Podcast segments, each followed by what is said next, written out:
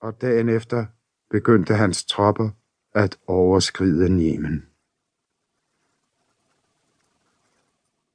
Den 12.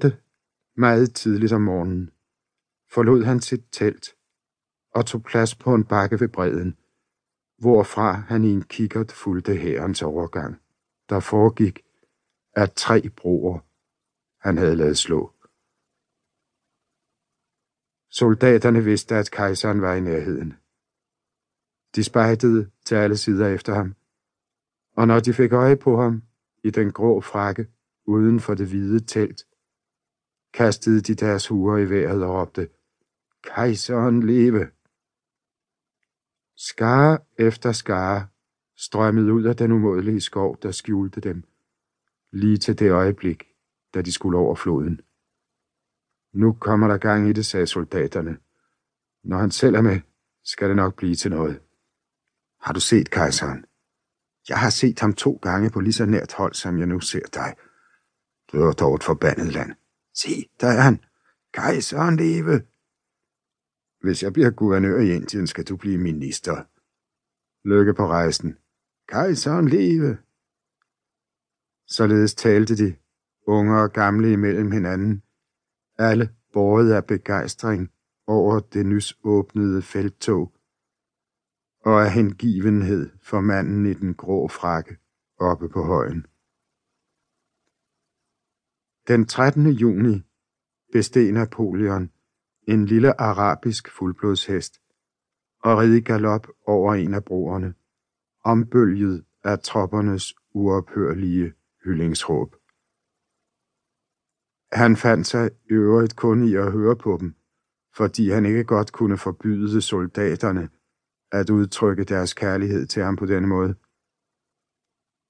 De generede ham disse råb, og rev ham ud af de militære overvejelser, der opfyldte ham helt, siden han var stødt til hæren.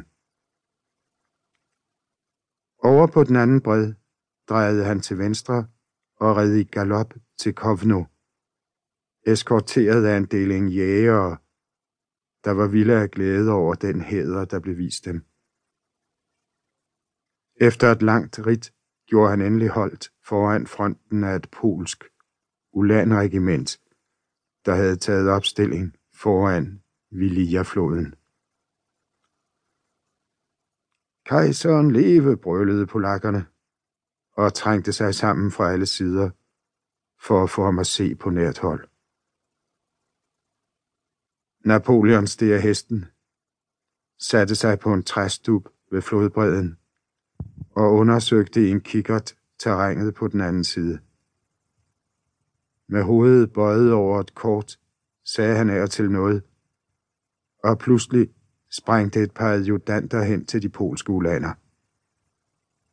Hvad må han sagde, lød det i galederne. Kejseren havde befalet dem at finde et vadested og sætte over floden.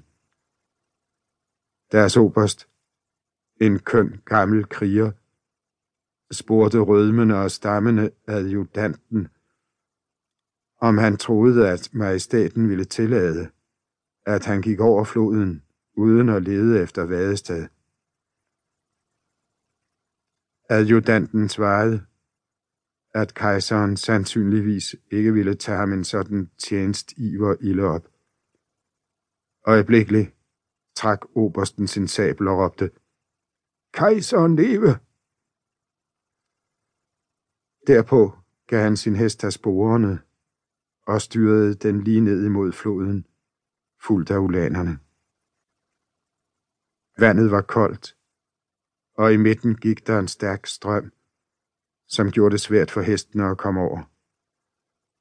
Soldaterne havde sig fast i hinanden. Nogle faldt af hestene, og både mennesker og dyr satte livet til. Stolte over at omkomme for kejserens øjne.